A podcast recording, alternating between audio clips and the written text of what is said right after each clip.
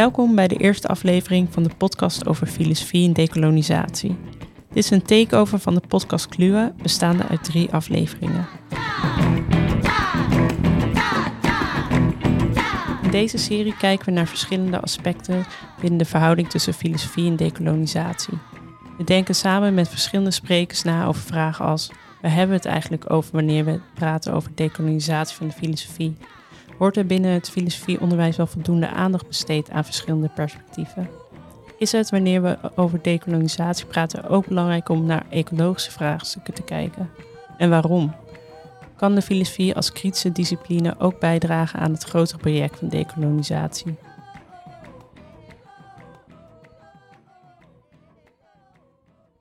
Dit zijn ingewikkelde vragen waar geen eenduidige of simpele antwoorden voor zijn, maar waar we in deze serie handen en voeten aan proberen te geven. In de eerste aflevering zullen we proberen duidelijk te krijgen waar we het precies over hebben wanneer we spreken over filosofie en decolonisatie. We focussen hierbij op drie subthema's: filosofie in onderwijs, filosofie in onderzoek, verzet en activisme. Aan tafel zitten drie gasten: Kraas Njako, Anja Topolski en Fabrice Kanunji. Ik ben Soraya Rokuya en ik host het gesprek vandaag. Ik ben afgestudeerd in de filosofie en momenteel faciliteer ik dialogen over onder andere racisme. Graas Njako is PhD-kandidaat aan de Universiteit van Amsterdam en haar onderzoek richt zich op decolonial theory. Daarnaast is ze docent niet-westerse filosofie aan de UvA. Ze heeft een nieuwe vertaling uitgebracht van Aimé Césaire's werk Discours sur le colonialisme, in het Nederlands over het kolonialisme. Anja Topolski is een geëngageerd politiek denker. Haar gebieden van expertise zijn onder andere Europees racisme, politieke filosofie, ethiek, Europese identiteit en uitsluiting, gender, antisemitisme en islamofobie.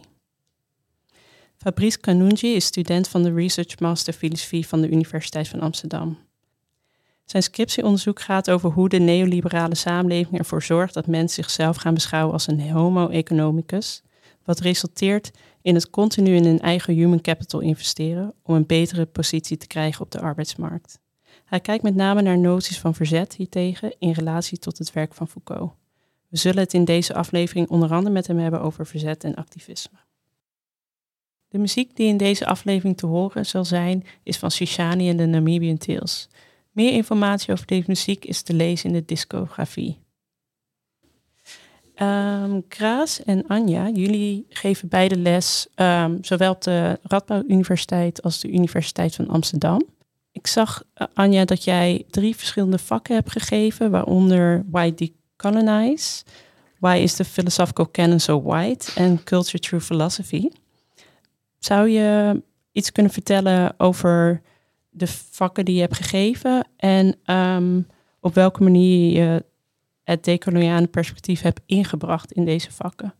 Uh, dus bijvoorbeeld um, uh, ja, de vak Culture Through Philosophy, a Decolonial Perspective.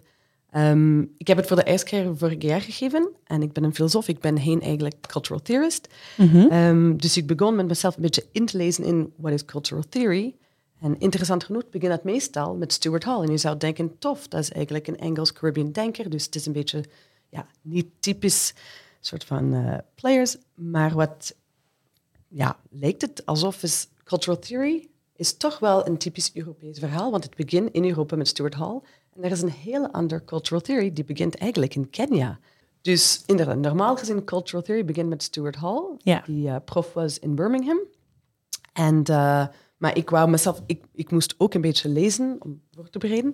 En ik heb een artikel gevonden van Handel K. Wright, Dare We Decenter Birmingham, Troubling the Origin and Trajectories of Cultural Studies. En daarin was een hele andere geschiedenis van cultural studies. Die begon in Kenia, dus in Afrika. Mm -hmm. En ook een beetje meer vanuit uh, praxis en niet vanuit theorie. Dus ik heb een andere geschiedenis van cultural studies gegeven aan studenten. En ze vonden het super interessant. Ik vond het ook interessant. En dan gaan ze terug in hun gewoon meer canonical vakken. En ze, ze vragen van, maar waarom krijgen we nog steeds hetzelfde verhaal? Er zijn veel meer verhalen over cultural theory. Ja. Dus in die zin is decolonial ja, meer verhalen, meer perspectieven. Ja, dus wat doet dat uh, met het vak op het moment dat je eerst begint dus met eh, eh, het verhaal wat je nu vertelt, dat in Kenia eh, begint. En daarna Stuart Hall leest. Wat merk je bij studenten? hebben eigenlijk niet Stuart Hall gelezen. Oh, want- helemaal niet. Nee, Ja. Want als je kijkt, in het algemeen studenten krijgen ja, bijna in al hun vakken gewoon de canonical approach. Mhm. Dus als ik mag een vak geven die toch wel decolonial, dan waarom zou ik nog een keer herhalen The Usual Suspects? Ja. Dus ze hebben Stuart Hall in hun andere vakken. Mhm. Ik zie mijn taak als al de andere superbelangrijk, interessant perspectieven die nooit aan bod komen in de andere vakken, die geef ik wel. Ja, dus eh, is niet nodig om altijd terug de kennen te herhalen. En wat betekent het voor het vak zelf dat jij eh, daar bent begonnen? Je zei net al wel dat het wat praktischer gericht is en verhalender. Zou je daar iets meer over kunnen vertellen? Ehm, betekent niet alleen een andere manier om cultural studies erover te denken, maar ook te doen. Dus je begint echt met, in plaats van te reflecteren over dans en theater, is, je begint met dansen. En je begint met theater en je begint met samenkomen van mensen. Een groot verschil is, ehm, je begint altijd met andere mensen te werken. Dus veel meer collectief en niet alleen. En als je begint met Stuart Hall en Theory, je, je zit met iemand alleen in een bureau. Dus het is een hele andere manier om te denken en doen, die veel meer collectief is ehm, en veel meer horizontaal tussen mensen in plaats van verticaal. En ja, het verandert het hele manier van ons gedachten. En Dat is superbelangrijk, denk ik. Hè? En je hebt het over, in dit geval over dansen en theater. Ja, want dit was een cultural studies vak. Ja, Veel toffer dan filosofie. filosofie doet niet genoeg met dansen, denk ik. dus, maar als ik het goed begrijp, hebben jullie dus ook ehm, fysieke dingen gedaan. Ja, en de studenten kon ook, ze moeten geen paper geven, ze kon ook eh, dansen als een stuk, ze kon wel eh, poëzie doen, ze kon wel alles. Er was heel veel mogelijkheid ook qua evaluatie, Ehm, zolang als de criteria gevolgd was. Van, eh, ehm, en ik probeer dat ook meer en meer te doen, ook bij de filosofen. Dus ik geef volgend jaar een decolonial ethics vak, waar ze mogen wel een verhaal schrijven in Mhm. plaats van een essay. Ehm, want ik denk decolonial is niet alleen inhoud, maar ook hoe we dat doen. Wat is het belang om zo'n perspectief, waarin je dus meer praktisch ook bezig bent, om dat te introduceren? ja, gewoon om ons, ons manier van denken uit te breiden. We, we, ook als ik vind de filosofisch kanon super interessant met heel veel denkers, het is toch wat beperkt. We denken op één bepaalde manier. En dus heel veel andere denkers en verschillende manieren om het te doen, we hebben gewoon meer kennis. En, en kennis is niet alleen ja, cognitief, dat is ook emotioneel, dat is ook Mhm. embodied. Dus ja, we zijn mensen met heel veel verschillende perspectieven, dus ons gedachtegoed moet niet zo beperkt zijn. Ja. Dus waar het bij filosofie vaak gaat om het denken, het rationele, wordt hier ook gebruik gemaakt van het lichaam, andere aspecten die ook deel uitmaken van het menselijk zijn. Absoluut. Ja. Graas, jij geeft aan de Universiteit van Amsterdam het vak niet-westerse filosofie. Zou je iets kunnen vertellen over het vak en op welke manier jij het decoloniale perspectief eh, hebt ingebracht? Voordat ik erbij kwam, eh, ik ben in 2016 begonnen. Ehm, toen gebruikte ze gebruikte eigenlijk alleen het handboek eh 25 eeuwen Oosterse filosofie van Ka- Karel van der Leeuws, iemand die het, die het vak vroeger doseerde. En ehm, sinds dat ik erbij kwam, doen we dus ook Afrikaanse filosofie en Afro-Caribische filosofie.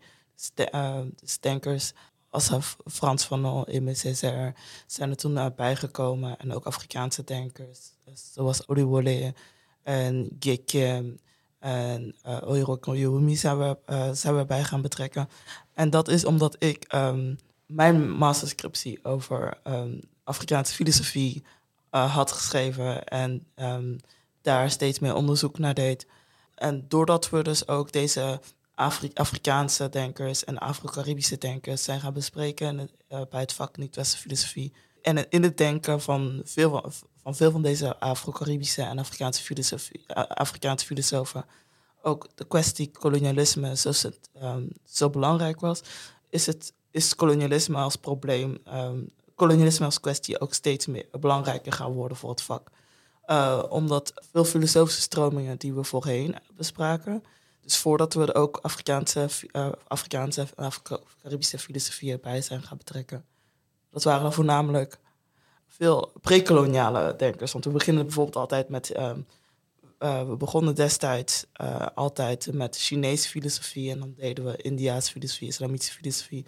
Maar veel Chinese denkers, veel van de Chinese denkers die we bespraken, zoals Hans Feizi, Confucius, dat waren allemaal pre-koloniale denkers. De koloniale kwestie komt dan natuurlijk niet aan bod. Mm -hmm. Maar dat komt dus wel wanneer we dus um, Afrikaanse denkers zoals Mogobora Moses, zoals, um, zoals een Oluwole of Afro-Caribische denkers, zoals een Van gaan bespreken.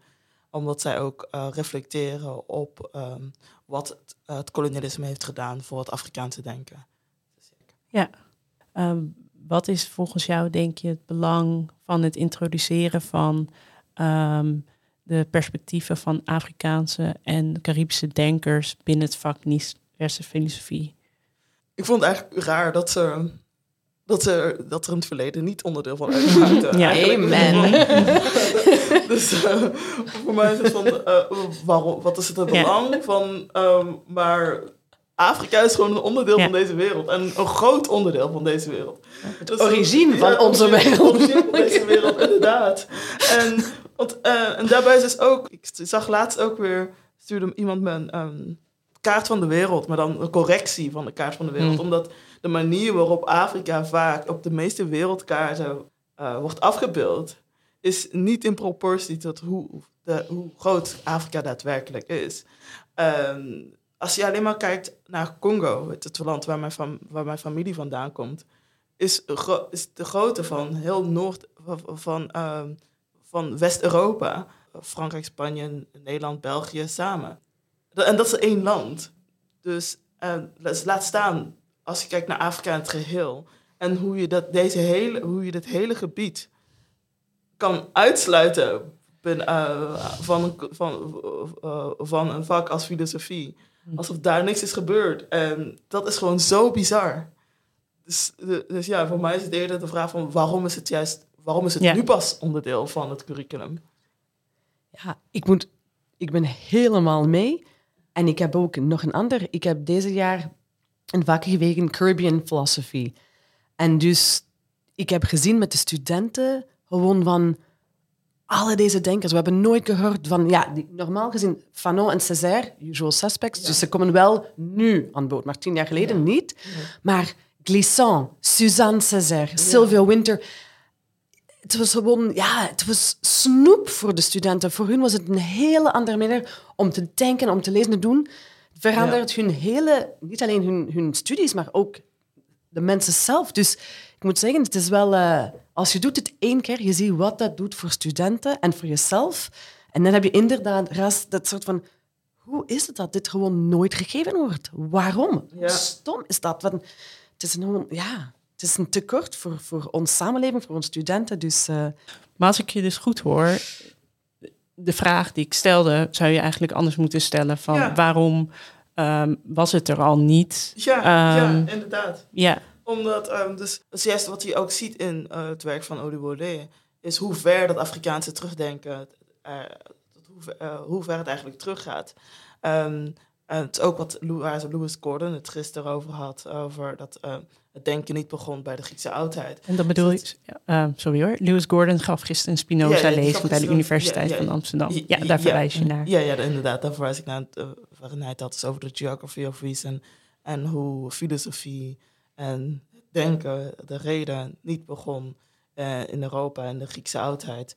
En ook, eigenlijk zouden we ook moeten nadenken over hoe we reflecteren over deze Griekse oudheid. Is dit wel echt Europees?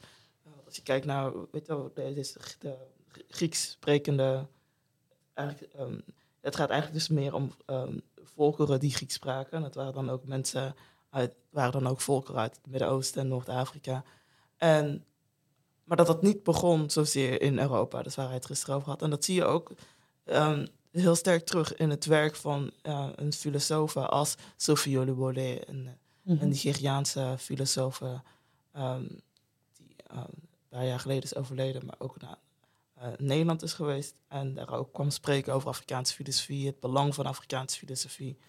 En, het is ook, ja, en eigenlijk een beetje de, het zonder dat eh, de, fi- de filosofie waar zij dan veel onderzoek naar heeft gedaan, is het werk van Orunmila.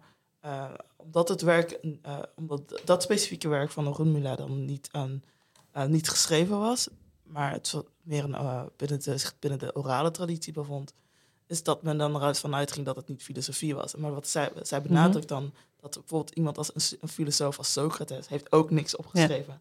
En daarvan ontkennen wij Mhm. niet dat het Ja. filosofie is. Ja, en ik vind wel ook... Dus ik weet niet als je krijgt ook deze reactie, maar ik kreeg heel vaak zo van... Maar er is geen plaats in de curriculum, we moeten nog dit en dit persoon bespreken, enzovoort. En ik heb zo'n beetje van... Eigenlijk klopt het niet. We hebben zoveel ruimte om ons curriculum te veranderen. En door nieuwe denkers in te brengen, we krijgen gewoon meer ja, mogelijkheid voor de studenten. Dus het, het hele typisch... Of, of je wel, dus er is geen plaats, we moeten sowieso altijd Rousseau en deze mensen... ehm, maar je krijgt ook heel vaak, maar dit is niet mijn expertise. Ik kan dit niet doen. Ja. En ik vind het super raar. Gisterenavond, uh, Lewis Gordon... Of nee, nee sorry, gisteren namiddag, hij sprak met mijn studenten. En hij, en hij vroeg van, dus wat is een prof?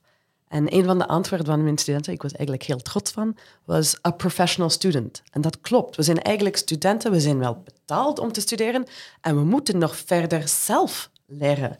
En wat een mooie manier om dat te doen. Dan elke jaar een nieuwe denker of een nieuwe perspectief zelf te leren. Ik doe dat wel met de PhD-student, waarom niet met de studenten? Dus het hele excuus van, ja, dit is niet mijn expertise, so make it your expertise. Learn it. En, en breng gewoon nieuwe denkers, want er is heel veel plaats in een curriculum om verandering in te brengen. Ja. Dus eh, die excuses, Blijven altijd leren. Fabrice, jij eh, bent op dit moment student. Als we het hebben over studenten. Hoe ervaar jij het huidige filosofieonderwijs?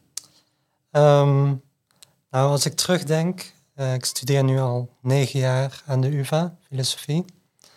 En in mijn eerste jaar, het is een beetje hoe de kanon, denk ik, ook verteld wordt. Maar ehm, je hebt in het begin introductie in een aantal takken binnen de filosofie. En dan had je bijvoorbeeld in het eerste jaar ehm, een vak over politieke filosofie en ethiek, ehm, waarin eigenlijk alleen maar witte westerse filosofen aan bod kwamen. En dan aan het einde van dat vak misschien één week waarin we twee vrouwelijke witte westerse filosofen hebben behandeld. En voor de rest niks qua ehm, zwarte filosofen of niet-westerse filosofen. En hetzelfde in een vak genaamd de geschiedenis van de filosofie. Wat eh, ook heel eh, treffend is voor ehm, de staat van filosofie op de universiteit hier. En ehm, hoe vind jij dat als student zelf? Nou, ehm, ik denk op een gegeven moment krijg je de ruimte om zelf je vakken te kiezen. Dan kies je richting waar je ehm, geïnteresseerd in bent, waar je meer over wil weten. Dan heb je de kans om een aantal vakken te kiezen waarin je meer te weten komt over niet-westerse filosofie. Maar je kan heel makkelijk ehm, je bachelor filosofie halen zonder ooit ook maar niet-westerse filosofie gelezen te hebben. Dat is niet meer zo. Nu is niet het vak niet-westerse filosofie is nu een verplicht, eh, sinds vorig jaar een verplicht onderdeel van het, eh van het Oké, dus er is wel verandering gaande in ieder geval aan de Universiteit van Amsterdam. Dankzij studenten. Dankzij Yes. studenten. Ja, zijn echt de studenten die eh, erop ehm, die hebben geprotesteerd en die, die, die ook steeds bij, eh, evaluatie, bij, bij evaluaties aangaven van waarom is het, geen, waarom is het vak niet West-filosofie geen verplicht onderdeel van het Ja. curriculum. En die ook aangaven hoe zonde het is dat je na dit, eh, de, destijds was niet West-filosofie een keuzevak, wa- waarom je er verder niks meer mee kan. Waarom zijn er geen vervolgvakken? Dus dat was een klacht die ze eigenlijk, eh, die eigenlijk vaker terugkwam. En waardoor uiteindelijk de be- beslissing is genomen om ehm, het vak niet-westerse filosofie een verplicht onderdeel van de bachelor te maken. een klacht waar jij je denk ik wel in herkent. Ja, dat is Eh, goed om te horen. Ja, ja. en waar je zelf dan denk ik, eh, heb je dat ook meegekregen, die verandering? Of, Ehm, ja, ehm, daar kom ik denk ik later over terug als we het hebben over verzet. Maar ehm, in 2015, de studentenprotesten, inderdaad, kwam er meer aandacht voor ehm, deze kritieken over, over niet-westerse filosofie en de afwezigheid daarvan op de UvA. Ehm, maar ja, het is mooi om te zien dat het ook daadwerkelijk tot verandering leidt. Ja, want de vraag die ik ook wilde stellen was: ehm, wat kan je als student bijdragen aan de dekolonisatie van het filosofieonderwijs? Ja, ja. Zie jij mogelijkheden? Concreet, zoals ehm, deze studentenprotesten, inderdaad, en het ook dan vol te houden, door te blijven gaan, kan er dus degelijk verandering komen. En een ander, andere vorm van, van dit soort verzet vind ik heel mooi. Dat uh, hebben we laatst in, in een vak dat uh, en ik volgen van Jolande Jansen. Daar ehm, waren betrokken studenten die, die zelf iets wilden organiseren. Um, bijvoorbeeld, zij kwamen met het idee van het, het vormen van een archief van niet-westerse filosofen die een soort van eigen kanon creëren. Um, waar mensen naar terug kunnen gaan, kunnen uitbouwen en daarmee aan de slag kunnen. Ja, en daar zullen we het later in de podcast ook nog verder over hebben, inderdaad, over wat, wat kunnen we eigenlijk doen. Dus dat is een mooi voorbeeld, inderdaad.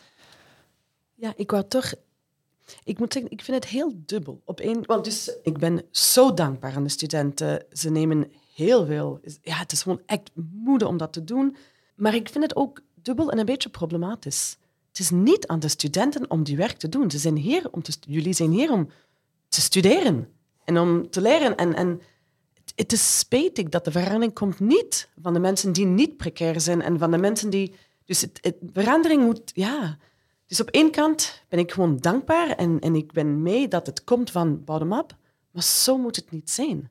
En zeker, ja, ik ben een politiek filosoof. We weten hoe macht werkt macht, ja, ja, het is zo raar dat het gebrek aan zelfreflectie komt niet van de top-down, van mensen die eigenlijk power studeren. Of, of sorry, macht. Ehm, dus ja, op één kant bedankt aan de studenten, maar op de andere kant, hey, mensen die, die macht hebben, do something. ja. ja. ja,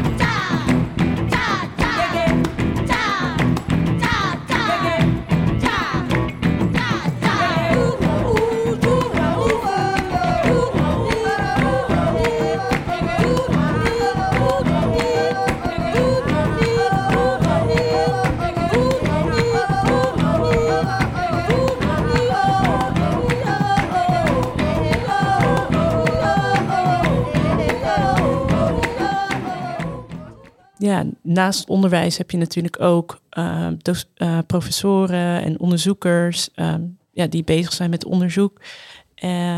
Jij, Kraas, bent, hebt ook recent een vertaling gemaakt van het boek Discours le colonialisme van Aimé Césaire. Je hebt een Nederlandse vertaling gemaakt en dat heet dan over het kolonialisme. En wat is volgens jou het belang van nieuwe vertalingen? Um, ja, ik vond eerder, eerlijk gezegd ook erg verbaasd dat Discours sur le kolonialisme nog niet eerder was vertaald naar het Nederlands. Um, de, aan de andere kant natuurlijk wel een hele eer dan dat jij het als eerste mag vertalen, maar ook raar. Um, ja, ik, ik, het is zo'n sleutel. Het is echt een discours sur le kolonialisme is gewoon een sleuteltekst wanneer het gaat over antikoloniaal denken. En ook dat de kwesties waar MSCR het over heeft nog, zo, nog steeds zo actueel zijn hij, heeft het niet over, uh, uh, over kwesties die uh, uit het verleden, die ook echt daadwerkelijk in het verleden liggen. Het zijn kwesties die nog tot op de dag van vandaag nog steeds spelen. en die, die je nodig hebt om een juiste analyse te kunnen maken van ook de neocoloniale verhoudingen waarin de Global South zich nog steeds in bevindt. Voor, voor iemand als ik, hoe wil ik, hoe wil ik een juiste analyse kunnen maken over de kwestie in Congo zonder zonder een juiste begrip te hebben van het kolonialisme, zonder uh, de, deze, tekst, deze tekst van Césaire goed te kunnen uh, te hebben gelezen, te hebben begrepen. En uh, zonder de teksten van die van Césaire, dus Discours sur le, colonialisme of Le Dame de la Terre van, van, van Fanon. En dan, um, dan zie je niet hoe dus de dynamieken waar, um, fenomenen waar zij, um, waar zij dan over schrijven, tot op de dag van vandaag nog steeds spelen. En zou, kan je dus ook niet denken aan eventuele oplossingen voor, voor, uh, voor deze problemen. Uh, dus voor, vandaar dus dat, het, dat het belangrijk is om ook in de Nederlandstalige context toegang te hebben tot deze, tot deze teksten. Ik had altijd toegang omdat, tot deze teksten, omdat ja, ik ben tweetalig opgevoed, Frans en Nederlands. En ik heb mensen zoals Césaire en Fanon in het Frans kunnen lezen. En niet alleen dat ik, dat, dat ik ze heb kunnen lezen, maar ook dat ik um, dat ik deze denkers kende. Dus dat ik wist dat, dat deze teksten er waren. En dat ik, en dat ik toen ik dus steeds meer onderzoek ben gaan doen naar, naar antikoloniaal denken. Dus dat, ik, dat, ik, dat, dat, het, dat het mensen waren die, die dan belangrijk waren om te bestuderen.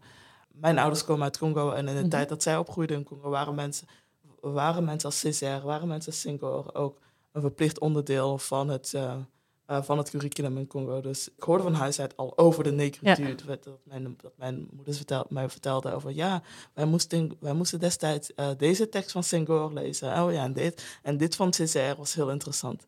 Maar dus hier was... kwam je dat totaal niet tegen? Ja. Hier kwam ik dat niet tegen. Um, um, het, en ik vond dat, het was ook heel bijzonder om dan um, uh, discours sur le kolonialisme te mogen vertalen. Want de eerste paper die ik dan als student schreef, dat ging over discours le kolonialisme. en uh, dat was voor politicologie toen ik politicologie studeerde. We moesten iets doen over maakbaarheid. En ik zocht dan altijd, omdat we op, uh, um, binnen de universiteit, of binnen politicologie eigenlijk, niks hoorden over mensen als Césaire, Senghor, Fanon, al deze denkers die voor mij zo belangrijk zijn. Um, maar ik, deze, maar dus al wel al bekend was met deze denkers van huis uit, zocht ik altijd naar mijn eigen manieren om dan de denkers waar, uh, die ik al kende en die ik interessant vond, om dan uh, toch iets mee te kunnen doen binnen de, uh, dus binnen de kaders uh, waar ik mee moest werken. Kan je wat meer vertellen over het werk van Césaire? Um, wat hij zegt over het kolonialisme en ook hoe, um, ja, waarom het actueel is? Ja, um, ja ik denk, het is natuurlijk interessant als je naast het over het kolonialisme ook een beetje bekend bent met het eerdere werk van Césaire, met name Cahiers de Retour au Pays Natal. Omdat uh, Césaire dus deel uitmaakte van een stroming genaamd de Negritude, samen met Leon Damas en Leopold Senghor. En ook natuurlijk de zussen Nardal die, die het idee van de Negritude hadden bedacht. Ehm, idee van panafricanisme en uh, zwart bewustzijn en de herontdekking van de Afrikaanse, van Afrikaanse geschiedenis, cultuur, Afrikaanse roots. Dat komt al heel sterk naar voren in uh, Retour au Natal.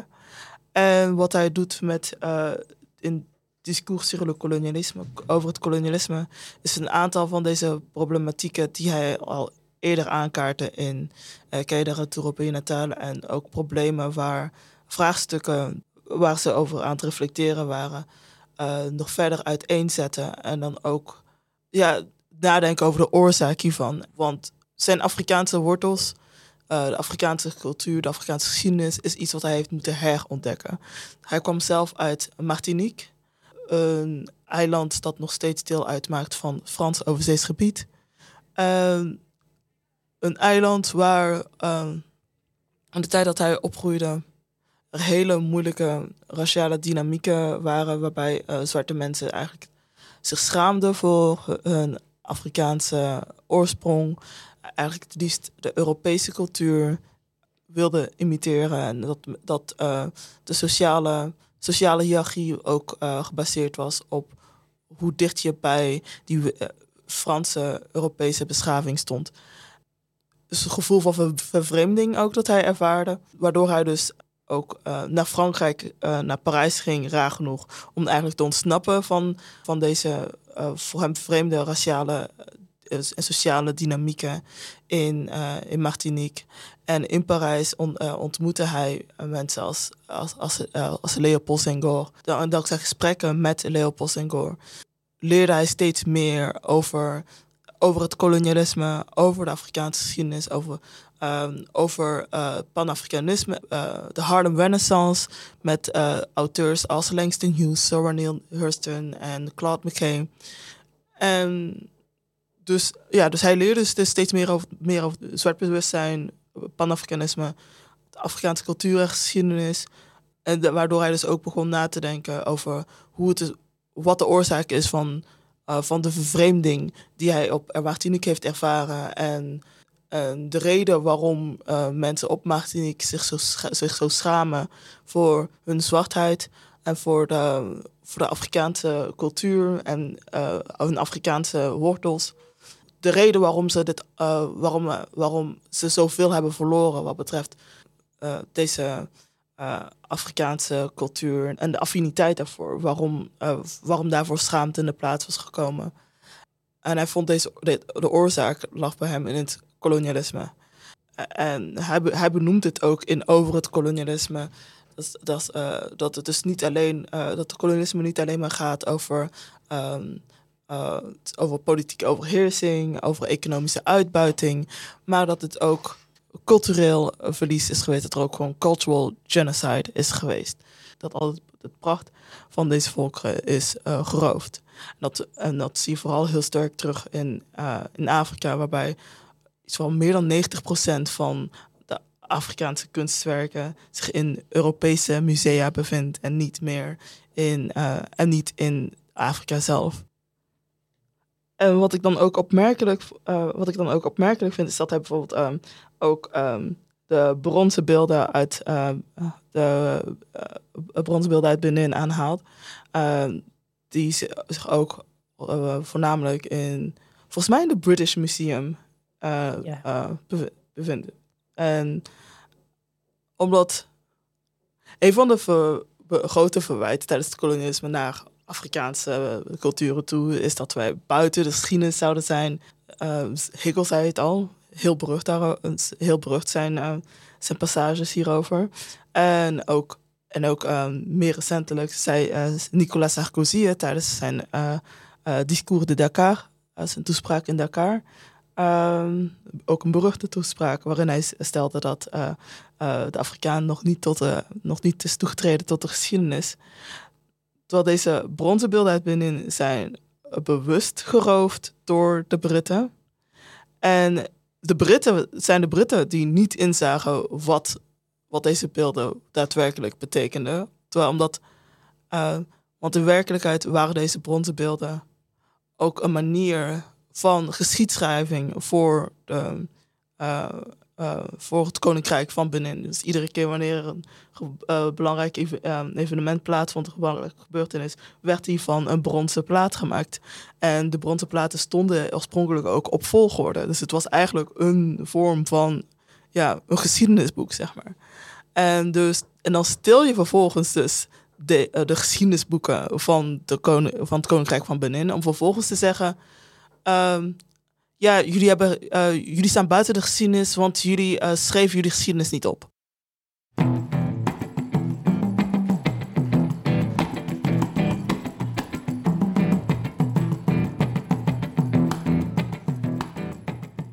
Um, Anja, jij doet op dit moment um, ook onderzoek en volgens mij ook, ook al een lange tijd um, naar de ontmoeting tussen ras en religie in Europa.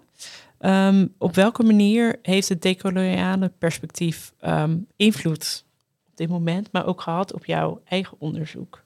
Ja, um, een lange tijd. Nu voel ik me wel heel oud. Bedankt. Oh, sorry. Ja, I'm kidding, I'm kidding. Maar ik ben wel oud, it's oké. Okay. maar ja, hoe, welke invloed?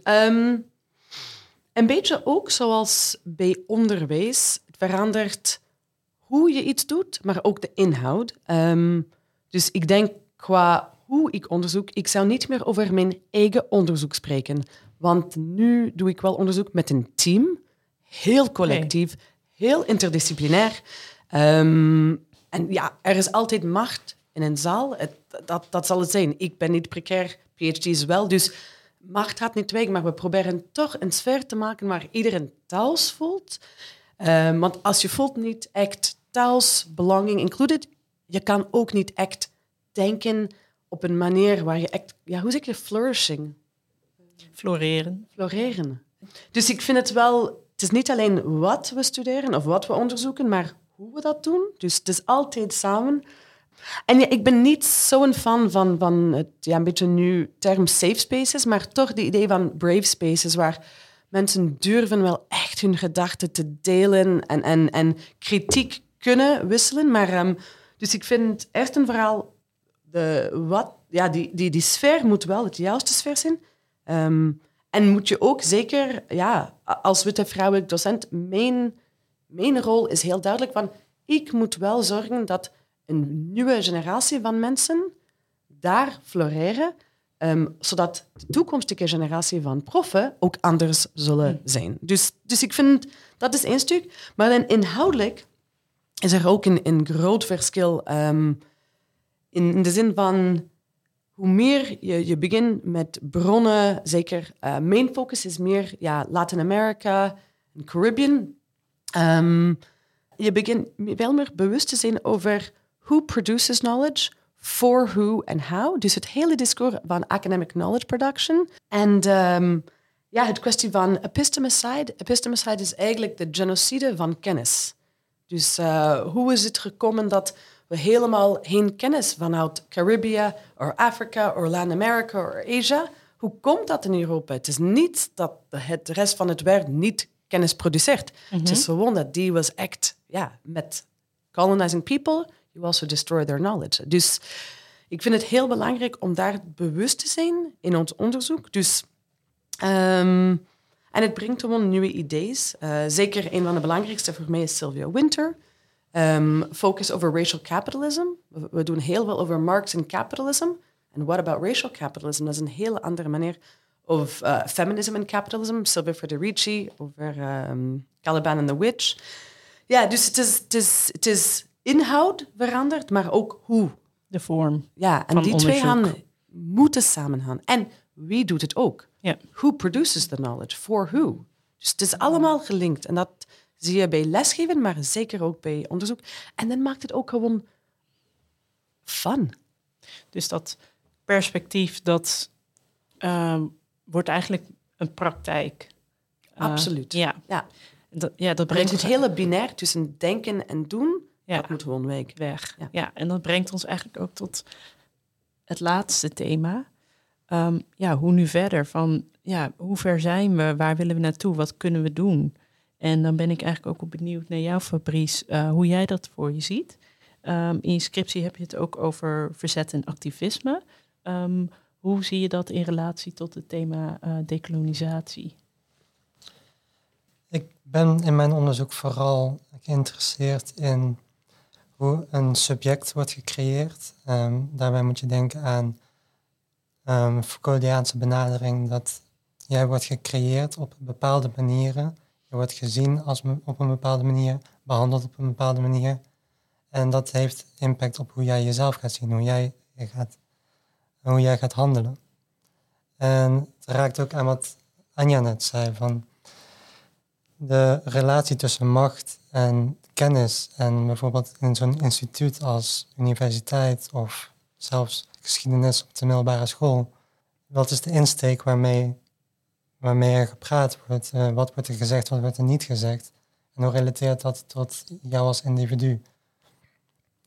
Ik hou me bezig met hoe um, de creatie van dat subject, hoe dat bevochten kan worden. Um, hoe je jezelf kan inmengen in het veld van macht en kennis door veranderingen te brengen, door nieuwe ideeën op te werpen, door gevestigde ideeën te pakken en om te draaien. Um, en op die manier ehm, te vechten voor hoe jij niet gezien wil worden, hoe jij niet behandeld wil worden. En ik denk, ik ben best wel hoopvol over waar het naartoe gaat in de afgelopen 15 jaar. Als je ziet um, de velden van gender studies en um, uh, postkolonialisme, decolonialisme.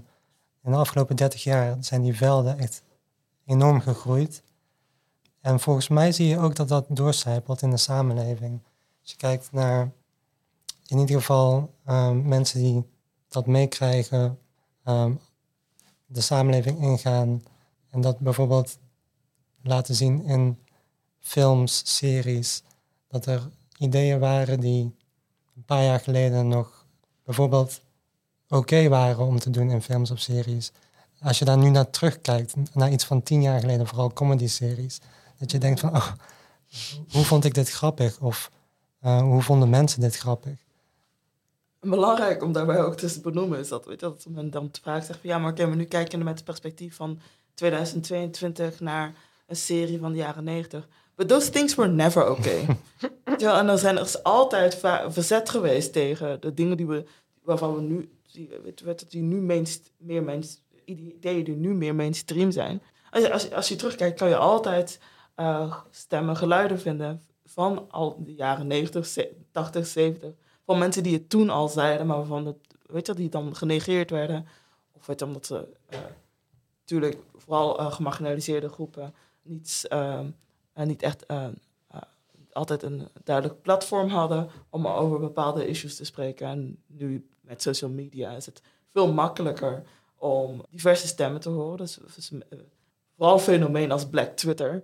Dus dat, dat, dat, dat zwarte mensen zich ook veel beter kunnen uitspreken tegen bepaalde, over, bepaalde, over bepaalde dingen, over bepaalde kwesties. Dus ja, iets als police brutality of zo. Of het fenomeen driving while black. Dat is niet iets waar wat zwarte mensen nu pas aankaart. Als je bijvoorbeeld mhm. als je ook als, als je uh, terugkijkt naar bepaalde series van de jaren 90, als je kijkt naar Fresh Prince of Bel Air, bepaald, het, het, probleem Dwarfing wel Black kwam al in het eerste, seizoen 1 van Fresh Prince of Bel Air ter sprake. Dus uh, alleen om te zeggen van, dat, we, dat we niet alleen moeten kijken van, oké, okay, we moeten zeggen van, dingen, we vinden dingen nu raar van tien jaar geleden, maar de, deze dingen zijn door bepaalde mensen altijd al raar gevonden. Precies. Ja, uh, dat sluit inderdaad aan, want ik denk van die inzichten, die, die ideeën waren er altijd al. Maar nu is er ook meer taal gecreëerd en meer concepten die vatbaar zijn, ook voor mensen die dat niet hadden. Ja, ja. Waarmee dat gedragen kan worden. Ja, ja. En zoals voor Zwarte Piet bijvoorbeeld, er is altijd al kritiek geweest op Zwarte Piet door, door, uh, door zwarte mensen. Het is niet iets van de afgelopen tien jaar, wat sommige mensen um, uh, beweren. Ja. Dus eigenlijk, als ik jullie goed hoor, gaat het meer over welk perspectief krijgt aandacht, um, is zichtbaar. Ja. Um, en als ik jou goed hoorde wat je zei, van als mensen zeggen, we kijken nu met het perspectief van 2020 naar, de, dan, ja. dan presenteert alsof er een soort van één perspectief is, lineair perspectief, maar dat er altijd dus ja. verschillende ja. zijn, dat het ook om macht gaat in die zin van welk perspectief. Uh... Mensen die onderdrukt worden, die hebben niet die hebben niet de stem van de onderdrukkers nodig om te beseffen dat ze onderdrukt worden. Bijvoorbeeld. Je kan niet zeggen, ja. je kan niet zeggen van, oh nee, maar homofobie vinden we nu pas erg. Van ja, maar men, uh, van, LGBTQ mensen die leden onder homofobie, die waren er altijd al tegen natuurlijk. Mm -hmm. Ja. Ik wil wel inpikken Um, En ik wil niet zo die, die, die oude docent die gewoon pessimist is. Maar uh, op één kant ben ik volledig mee, Fabrice. Echt waar. Dat er verandering is. Maar op de andere kant heb ik zo van... Wow, twee, twee punten. Eerst en vooral moeten we heel, heel bewust zijn van... Look at the backlash. Ja, ja zeker. En, en de backlash en hoe dat gesteund is door de mensen met macht en you know, we have to listen to all sides. En, en, en dingen dat ik lees in NRC. Ja. Dus op één kant heb ik zo van, ja, er is verandering, positieve dingen. Uh, ik vind Black Lives Matter, wat dat heeft gedaan voor Europa, holy crap. Want dat... Maar with resistance ja. comes the backlash. En dus we moeten heel voorzichtig, we moeten ook voor elkaar goed zorgen. Dus op één kant heb ik zo van, ja, ik wil niet pessimist zijn, maar let's not forget the other side. Maar ook ik zie wel heel veel gebeurt op vlak van feminism en diversity. Maar het is niet echt intersectional. Class en gender are okay. Race is still not kosher. Ja, en, en vaak wordt ook, ook niet gedoseerd door, uh, eh, door eh, mensen van kleur, door zwarte mensen. Zo, dan, is het, dan, weet je, dan, eh, hebben ze, dan, dan, bieden ze, dan doen ze wel wat met black feminism. Maar wordt het alsnog alleen maar gegeven door, gedoseerd door een witte vrouw. Dus dat, dat, maar dat is ook de kritiek die, die vaak ook komt vanuit de zwarte gemeenschap. Van diversity, basically jobs for white women. ras is niet een biologisch gegeven, maar het creëert wel een sociale werkelijkheid. En dus, er zijn dus mensen die geracialiseerd zijn als zwart. En, deze, en, en zij worden nog altijd buitengesloten, ook wanneer het gaat om uh, zogenaamde diversiteit. Uh, dus er wordt wel aandacht gebracht, uh, er wordt wel aandacht gegeven aan thema, thema's zoals zwart feminisme, black feminism en intersectionaliteit. Maar, en dat zijn theorieën die dan vaak komen door van mensen, van vrouwen die zijn geracialiseerd als zwart zoals met zoals Sojourner Truth, uh, Kimberly Crenshaw. Maar het wordt nog altijd niet binnen het Nederlandse context gedoseerd door vrouwen. Uh, want we hebben, er zijn hier genoeg capabele zwarte vrouwen. maar zij zijn niet degene die deze, die die deze kansen krijgen om, om door te stromen binnen academische settings. Wat is er nodig om zo'n verandering teweeg te brengen? En ook vragen jullie in bredere zin van wat, wat is er nodig om ehm, echt daadwerkelijk verandering te brengen? Fabrice, gaf net aan dat je vrij hoopvol bent over veranderingen. We hebben binnen de filosofie al gezien, eh, al benoemd van, nou ja, studenten geven aan ehm, dat ze behoefte hebben aan andere uh, perspectieven en dat dat ook nog zakelijk is. Um, maar ook op maatschappelijk niveau, wat denk je dat er nodig is om uh, decolonisatie teweeg te brengen? Ja, ik ben hoopvol um, omdat hoe ik zie, hoe ik begrijp hoe um, macht werkt en bijvoorbeeld deze uh, effecten van kolonisatie, dat die op heel veel verschillende gebieden bevochten kunnen worden. Niet per se met bijvoorbeeld één grote aanpak, maar dat er heel lokaal door mensen zelf verzet geboden kan worden op heel veel verschillende manieren. En ik denk dat je dat uh, veel ziet, bijvoorbeeld social media in allerlei gebieden, uh, allerlei manieren om van jezelf te laten horen en dat ook te laten beklijven, dat er iets mee gedaan moet worden. Dus hoe klein het ook is, al die dingen samen allerlei hoeken zijn allemaal punten van verzet tegelijkertijd. Ja, um, ik, had, um, ik dacht, als we willen verandering, maatschappelijke verandering, ik vind ja, misschien een idee van Kant. Dus je kan nog steeds Kant gebruiken. Ook, uh, het, uh, het, idee, of via Hannah Arendt tenminste, um, het idee van, uh, ja, stap gewoon in de schoenen van iemand anders. Ik vind een van de die, die belangrijkste gedachtegoeden van filosofie is probeer van een ander perspectief te denken. Probeer de ervaring van een andere mensen gewoon te beleven. En ik denk, we zouden allemaal een beetje ons eigen perspectief moeten veranderen om, om te zien hoe beperkt het is. Um, en, en, en dan als je dat doet, als je echt denkt van hoe is het om, om, om een ander ja, leven in ons maatschappij te ervaren, dan begint je zelf te komen tot zelfreflectie en een soort van deconstructie of, of, of, een, of een andere manier om te zien en luisteren. En vooral denk ik dat we hebben nodig om mensen moeten wel leren luisteren aan inderdaad wat je zei, Ras, daarvoor van dit zijn niet nieuwe perspectieven. Dat zijn gewoon perspectieven die heel lang, over Zwarte Piet bijvoorbeeld, maar niemand wou het luisteren tot een witte mevrouw op tv daarover sprak. Dus het is belangrijk om te leren luisteren aan mensen die misschien komen van een ander perspectief of een ander ja, ja, taal of een ander... Maar het is die, die openheid dat we allemaal nodig hebben en iets die centraal is ook bij filosofie, zelfreflectie, zelfkritiek. Um, dus ik vind ja, wat mensen hebben nodig is echt een soort van, ja, denk gewoon van een ander perspectief. Lees meer, luister meer, uh, stel meer vragen. Dat is echt nodig om, om een beetje ruimte te creëren en dan inderdaad samen met verzet, denk ik.